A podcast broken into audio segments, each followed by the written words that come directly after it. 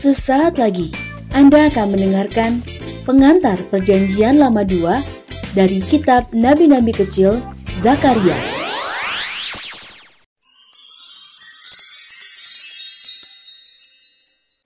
Nabi Zakaria adalah seorang nabi yang diutus oleh Allah. Nabi Zakaria hidup sezaman dengan Nabi Hagai. Pada saat itu, Koresi, Raja Persia, memberikan suatu dekrit raja. Dekrit ini menyampaikan bahwa Yehuda yang ada di pembuangan agar segera kembali ke negerinya. Orang-orang yang tersisa selama 70 tahun dalam pembuangan, tetapi Allah tetap memelihara mereka.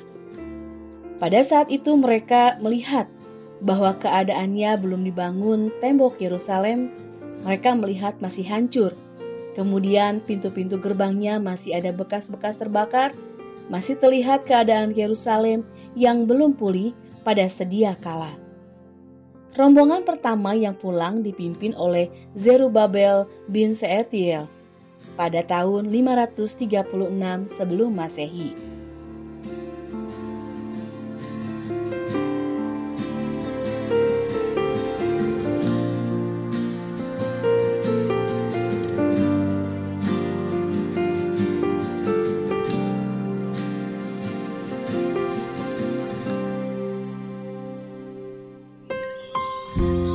Pada saat itu Tuhan menolong bangsa Yehuda melalui dua hambanya untuk mendampingi mereka yakni Hagai dan Zakaria dengan tujuan memotivasi mereka dalam pembangunan kembali Yerusalem yang telah hancur.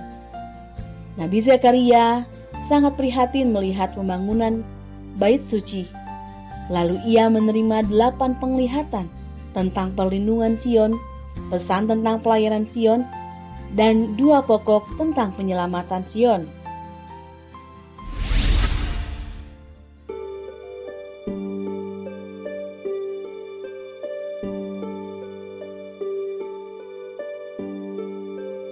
Agenda Allah ada pada Nabi Zakaria. Nabi Zakaria mendorong orang-orang yang tersisa yang kembali dari Babilonia. Dan mereka berkecil hati dengan ukuran bait suci yang kecil dibandingkan dengan bait Salomo. Esra 2 ayat 12. Lalu mereka bersama-sama menyelesaikan pembangunan kembali bait Allah. Bagi Yehuda, bait suci adalah rumah hadirat Allah, tanda kehadiran Allah. Oleh sebab itu, hal pembangunan bait suci menjadi hal yang sangat penting karena kehadirannya di bait suci menandakan penyertaan Allah yang begitu nyata dalam kehidupan mereka.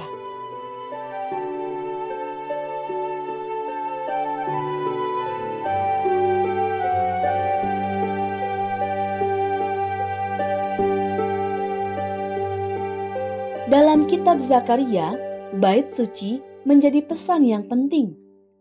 Dengan menunjukkan bahwa Allah bekerja di dunia yang memulihkan Israel untuk mewariskan kerohanian mereka dalam menyiapkan kedatangan Mesias. Nabi Zakaria dalam nubuatannya menjelaskan dengan jelas bahwa akan datangnya Raja Mesias, Raja Damai dan Juru Selamat, yaitu melalui Zerubabel bin Seetiel. Zerubabel bin Seetiel adalah keturunan dari Raja Yoyakin, bahwa turunnya Mesias akan datang melalui Zerubabel bin Seetiel dari garis keturunan Daud. Sebagaimana tertulis di dalam Matius 1 ayat 12. Agenda Allah terus beragenda pada Yehuda di 500 tahun ke depan yang akan mendatangkan Mesias di dalam kejadian 3 ayat 15.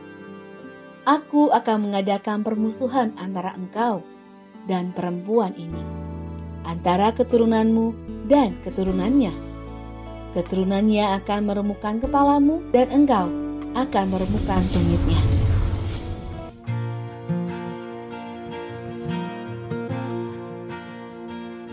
Lord, I come,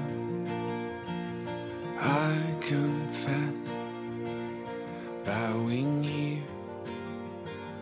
Tuhan memberikan janji kepada Daud bahwa kerajaannya akan kokoh selama-lamanya dan memberikan indikasi bahwa keturunan Daudlah akan dipakai oleh Allah dan Mesias yang akan datang. Di dalam 2 Samuel 7 ayat 16. Apa yang dikerjakan Allah dalam rangka melaksanakan agendanya. Every hour I need you, my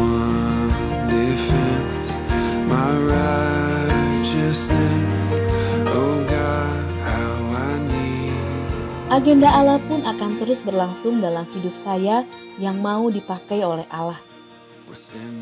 Dalam mewujudkan agenda tersebut, Allah pastinya akan memelihara saya. Oleh sebab itu, saya tidak perlu khawatir tentang masa depan yang akan saya hadapi di depan nanti.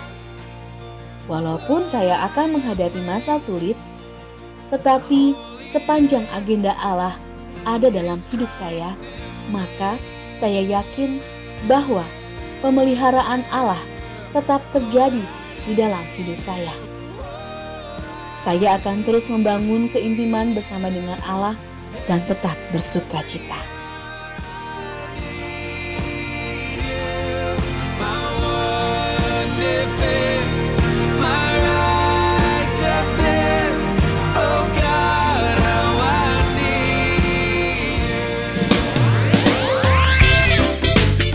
Kasih. Anda telah mendengarkan pengantar perjanjian lama dua dari kitab Nabi-Nabi Kecil. Tuhan Yesus memberkati.